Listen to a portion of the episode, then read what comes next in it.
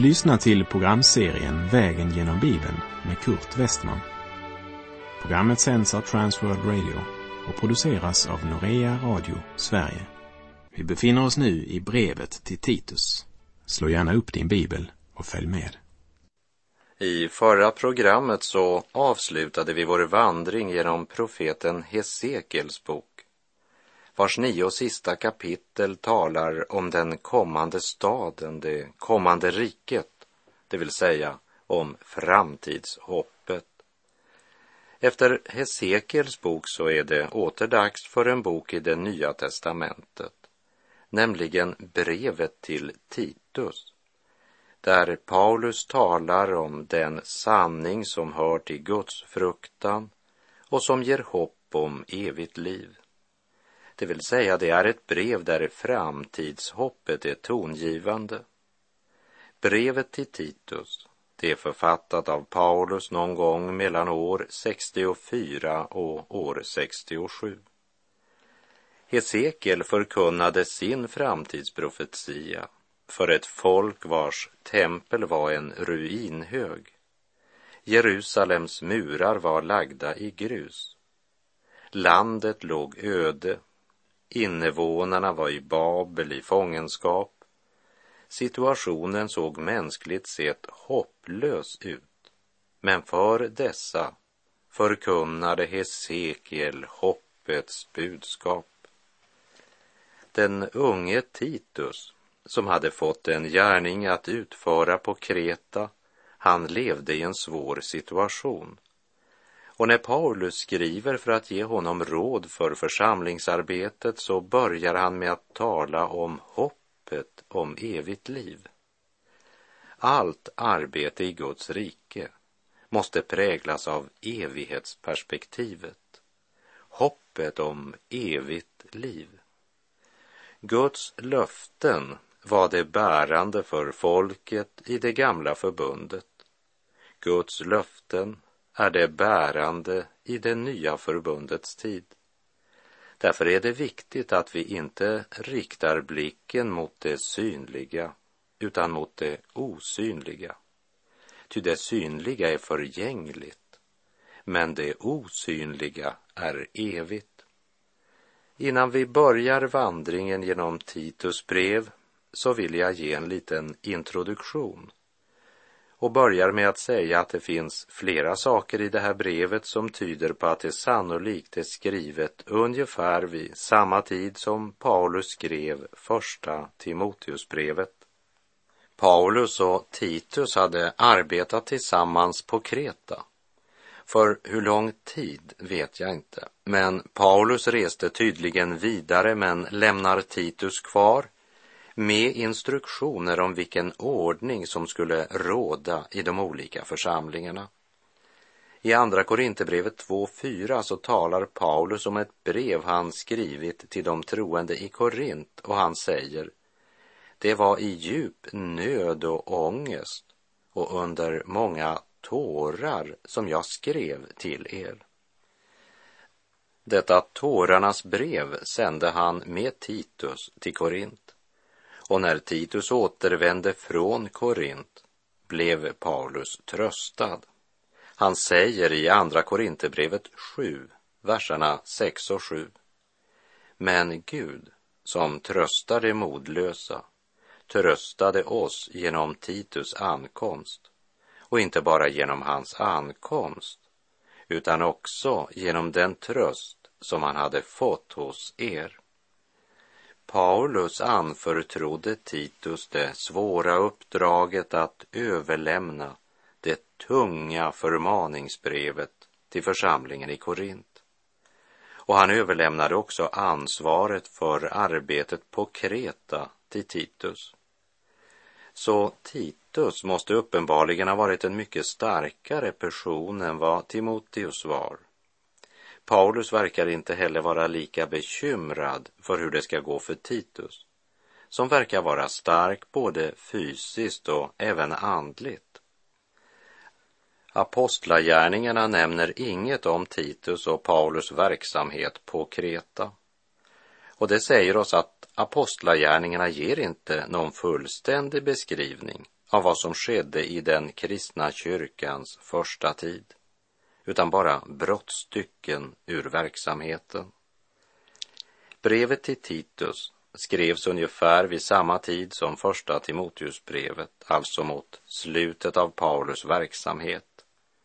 Och vi lägger märke till att också de sista åren av Paulus tjänst för evangeliet var präglat av Guds fruktan och hoppet om evigt liv. Paulus hade haft glädje av att leda både Titus och Timoteus till tro på Kristus och han kallar båda för sina äkta söner i tron. Och Paulus skrev brev till dessa båda trosbröder och de två Timoteusbreven plus brevet till Titus. Dessa tre brev kallas för pastoralbreven därför att dessa brev till stor del handlar om hur församlingen ska ledas och skötas. Det är brev till män som hade ett speciellt herdeansvar. I brevet talas om hur församlingen ska kalla nya arbetare, hur församlingsmedlemmarna ska uppföra sig i gudstjänsten och i vardagslivet och hur man ska förhålla sig till villolärare.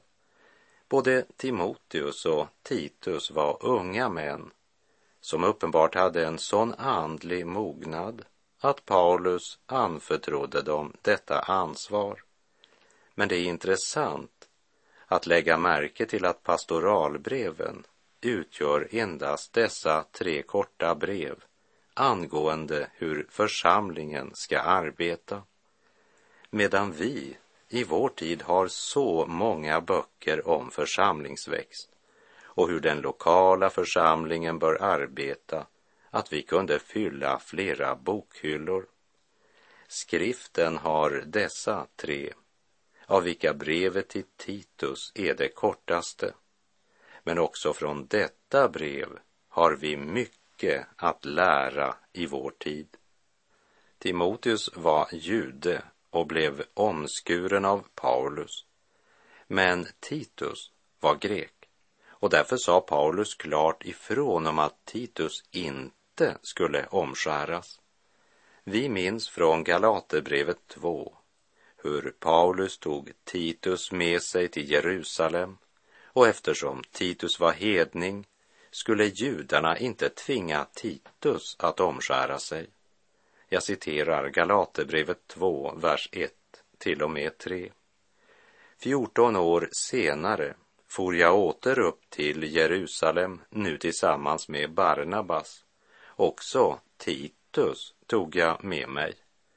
Jag for dit på grund av en uppenbarelse och lade fram enskilt för det ansedda det evangelium jag predikar bland hedningarna.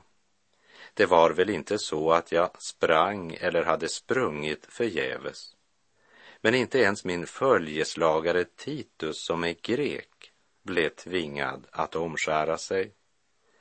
Men när Paulus tog med sig Timoteus så lät han omskära honom trots att också han till hälften var grek. Men eftersom hans mor var judinna så räknades Timoteus som jude. I Apostlagärningarna 16.3 står det Eftersom Paulus ville ha Timoteus med på resan tog han och omskar honom av hänsyn till judarna i de trakterna, ty alla kände till att hans far var grek. Varför handlade han så olika med dessa två unga medarbetare? Ja, det får vi förklarat med följande ord i Första Korinterbrevet 9, verserna 20 till och med 22. För judarna har jag blivit som en jude för att vinna judar. För dem som står under lagen har jag, som inte själv står under lagen, blivit som den som står under lagen för att vinna dem som står under lagen. För dem som är utan lag har jag blivit som den som är utan lag för att vinna dem som är utan lag. Fast jag själv inte är utan Guds lag utan lever i Kristi lag. För det svaga har jag blivit svag för att vinna det svaga. För alla har jag blivit allt för att jag i varje fall ska frälsa några. Och i Galaterbrevet 6.15 skriver han det har ingen betydelse om man är omskuren eller oomskuren.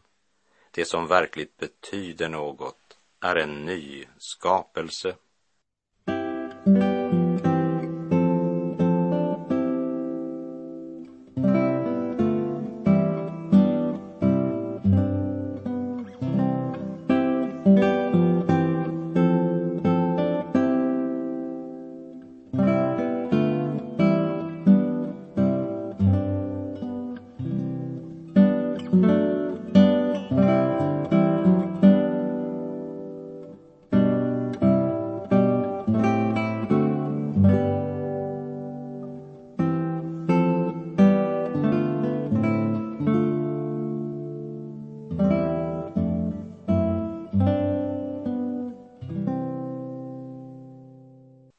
Paulus var en jude för judar och en grek för greker. Utan att därmed vara falsk eller ge avkall på det som verkligen betyder något, nämligen på nytt födelsen, en ny skapelse. Det är farligt att göra sig en massa små regler som bara är en yttre form med vilket man försöker leva som kristen. Det som betyder något det är personlig gemenskap med den uppståndne Herren Jesus. Allt annat är utan värde. I Titus brev illustreras den nytestamentliga församlingens funktion i livets vardag, såväl som regler för gudstjänst och gemenskap. Brevet säger oss flera saker angående församlingen. För det första, det ska råda ordning och reda rent organisatoriskt. För det andra, sunda doktriner byggda på skriftens vittnesbörd. Och det tredje är renhet och Guds fruktan som ska prägla livsförseln. Och man ska vara redo till varje god gärning. Det är vad Titus brev säger oss om en nytestamentlig församling. I Timoteusbrevet fokuserades på nödvändigheten av en klar lära grundad på skriften och apostlarnas vittnesbörd. I Titus brev fokuseras på ordning och disciplin i församlingen. Titus 1.5 är brevets nyckelvers där Paulus talar om varför han lämnade kvar Titus på Kreta. Vi läser Titus 1, vers 5. När jag lämnade dig kvar på Kreta var det för att du skulle ordna det som ännu återstod och i varje stad insätta äldste efter mina anvisningar. Titus skulle se till att den apostoliska ordningen blev genomförd även i församlingarna på Kreta i kapitel 1 talar Paulus om nödvändigheten av att församlingen organiseras med en god struktur, alltså ordning och reda. I kapitel 2 fokuserar aposteln på församlingens kallelse och uppgift att undervisa och förkunna Guds ord och tala i överensstämmelse med den sunda läran. Äldre män ska uppträda nyktert, värdigt och behärskat och vara sunda i tro, kärlek och tålamod. I kapitel 3 undervisar aposteln om den praktiska frukten av detta, nämligen att de ska vara beredda att göra allt som är gott. De är kallade till goda gärningar. Med andra ord, församlingen blir frälst av nåd. Den ska leva av nåd och visa sin tro för världen genom att göra goda gärningar.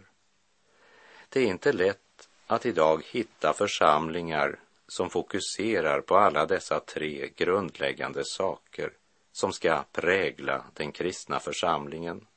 Låt oss se lite närmare på var och en av dessa tre saker. Först och främst ska det vara en församling som har ordning. När Paulus i första Korinthierbrevets fjortonde kapitel talar om de olika gåvorna som församlingen fått att förvalta så säger han bland annat att profeternas andar underordnar sig profeterna. Ty Gud är inte oordningens Gud utan fridens. Och i första Korinthierbrevet 14, vers 39 och 40 säger han Därför, mina bröder, var ivriga att profetera och hindra inte tungomålstalandet. Men låt allt ske på ett värdigt sätt och med ordning. Ordning betyder inte en struktur som är så fastlåst och så formell att församlingsgemenskapen styvnar till ett ritual eller att allt i gudstjänsten sker från predikostolen så att församlingsmedlemmarna bara blir åhörare och inte aktivt deltar i gudstjänsten. Hur skall det då vara, bröder? Jo, när ni samlas har var och en något att ge. En psalm, ett ord till undervisning, en uppenbarelse, ett tungotal och en uttydning. Låt allt bli till uppbyggelse, står det i Första Korinthierbrevet 14, verserna 25 och 26. När ni samlas har var och en något att ge. Och så tillägger han lite senare, men låt allt ske på ett värdigt sätt och med ordning. Det är inte pastor eller äldste som ska sköta hela verksamheten så att församlingen bara blir åhörare. Samtidigt är det viktigt att det insätts äldste i församlingen som på skriftens grund följer apostlarnas föreskrifter så att allt sker på ett värdigt sätt och med ordning. För det andra så finns det idag många församlingar som inte ger någon större uppmärksamhet åt att undervisa sunda doktriner, utan är mera upptagna av kyrkobyggnaden, organisationen och att bygga ett litet imperium.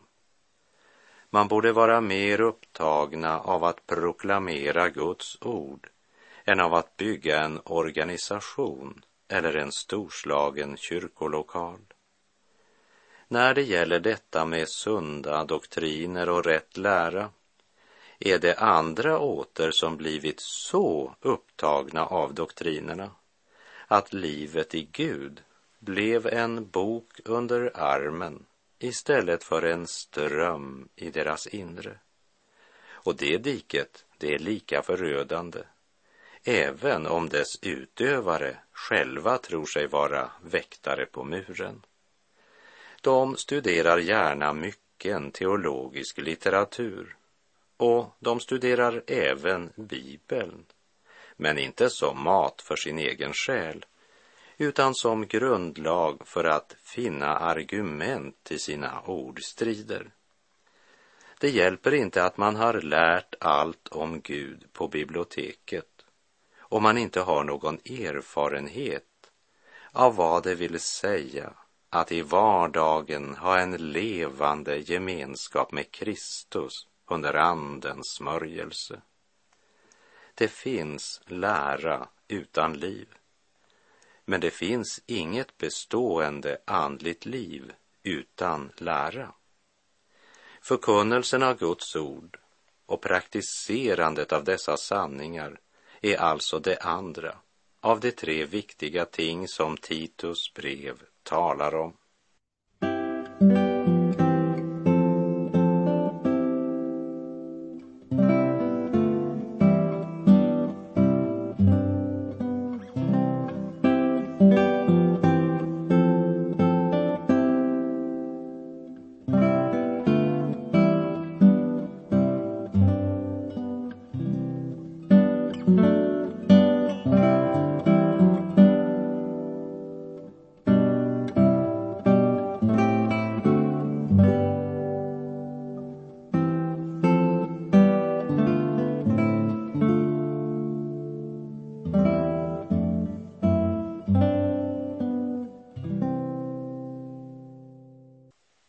Första var att församlingen måste vara organiserad med god ordning och reda.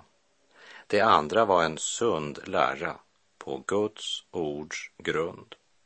Och för det tredje så skulle församlingen alltid vara redo till varje god gärning. Ibland kan vi i våra fundamentalistiska församlingar lägga så stor vikt vid doktrinerna, vilket ju också är mycket viktigt. Men ibland kan vi fokusera så starkt på läran att vi underbetonar gärningarna. Magnus Malm har sagt det tycks finnas ett sätt att förkunna Kristi fullbordade försoningsverk på ett sådant sätt att det blockerar nådens fortsatta verk i människan. Är det något som borde prägla en kristen församling så är det goda gärningar. För på frukten ska trädet kännas, sa Jesus. När Jesus i Matteus 25, verserna 31 till 46 talar om Människosonens dom så säger han till dem som förvisas till den eviga elden. Jag var hungrig och ni gav mig inte att äta. Jag var törstig och ni gav mig inte att dricka. Naken och ni klädde mig inte, sjuk och i fängelse och ni besökte mig inte och så vidare. Läs gärna hela avsnittet, Matteus 25, verserna 31 till och med 46. Läs gärna det efter programmets slut. Och lägg märke till att de som går bort till evig dom hamnar inte där först och främst på grund av att de inte lärt sig alla de rätta doktrinerna. Inte heller säger Jesus att de gick förlorade på grund av den eller den synden. Men när Människosonen kommer och mänskligheten blir delad så handlar det mera om vad man underlåtit att göra. Jesus säger själv att de blir inte först och främst dömda för vad de gjort, men för vad de inte har gjort. Lägg också märke till att de som hade underlåtit att göra dessa gärningar, de hade en ursäkt, alltså en förklaring på varför de inte hade gjort det. De säger att de hade helt enkelt aldrig hört om detta. Vi visste inte att du var sjuk. Vi, vi hade aldrig hört om det. Vi hade inte en aning om att du var hungrig, för, för hade vi bara vetat det så... Men, men alltså, det här, det, det var helt okänt för oss. Lägg också märke till att den ursäkten håller inte. Det är därför viktigt att vi i våra olika kristna församlingar, vad namnen än bär, att vi inte blir så upptagna av våra finanser och hur vi ska lyckas samla in de pengar som behövs i vår verksamhet, att vi blir mera upptagna av att folk ger oss sitt stöd än av att hjälpa dem och ge dem andlig mat. Det finns många, också i vårt land, som inte bara behöver andlig hjälp men också lekamlig hjälp i en svår situation. Vi behöver hjälpa både andligt och lekamligt. Jag är glad att kunna säga att det finns många församlingar som verkligen räcker ut en hjälpande hand i sin omgivning och i andra delar av världen där både den andliga och den lekamliga nöden är stor. Vi läser om så mycket nöd genom dagstidningarna. Vi ser så mycket lidande och nöd i tv. Men allt det här får inte göra oss så avtrubbade att vi inte längre orkar reagera eller ursäkta oss med att vår insats är ju ändå bara en droppe i havet, utan bidra med våra droppar i vissheten om att havet består just av droppar, många, många droppar. Gud ska kräva oss till ansvar för hur vi förvaltade allt han gav oss. Gud kommer aldrig att be dig avlägga räkenskap för det du inte har, men det du har. Hur mycket du droppade på dig själv och hur mycket du droppade på andra. Någon blir så upptagen av teologin, doktrinerna och att ha alla de rätta teorierna att man glömmer omsorgen för vår nästa. Medan de liberala församlingarna glömmer de två första kapitlen i Titus brev och sätter hela sitt fokus på kapitel 3 och goda gärningar. Har inte församlingen insett nödvändigheten av alla dessa tre saker som ska känneteckna Guds församling på jord så har den inte rätt att kalla sig för en nytestamentlig församling. Vi finner denna treklöver och ser hur de tre hör ihop när vi vandrar genom de tre korta kapitlen som utgör brevet till Titus. Herrens nåd är var morgon ny, varför skulle vi sörja? Jordens skuggor hur snart det fly, må vår lovsång då börja. Pris ske Gud, vi mot målet ila. Jesus följer oss trofast än idag bjuder här all Guds välbehag och där hemma sin vila. Herrens nåd är var morgon ny, bort med tvekan och klagan.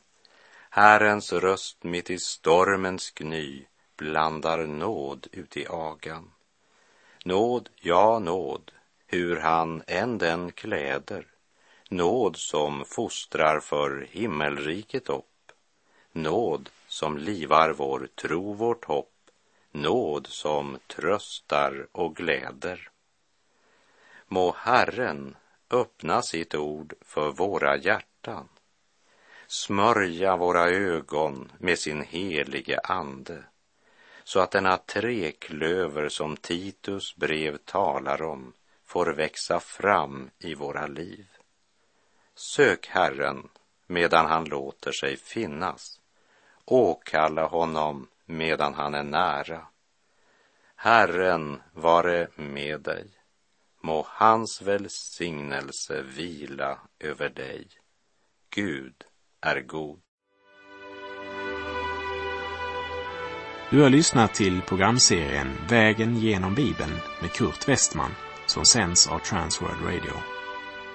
Programserien är producerad av Norea Radio Sverige. Om du önskar mer information om vårt radiomissionsarbete så skriv till Norea Radio Sverige, box 3419 103 68 Stockholm. Adressen är alltså Norea Radio Sverige, box 3419. Postnumret 10368 Stockholm.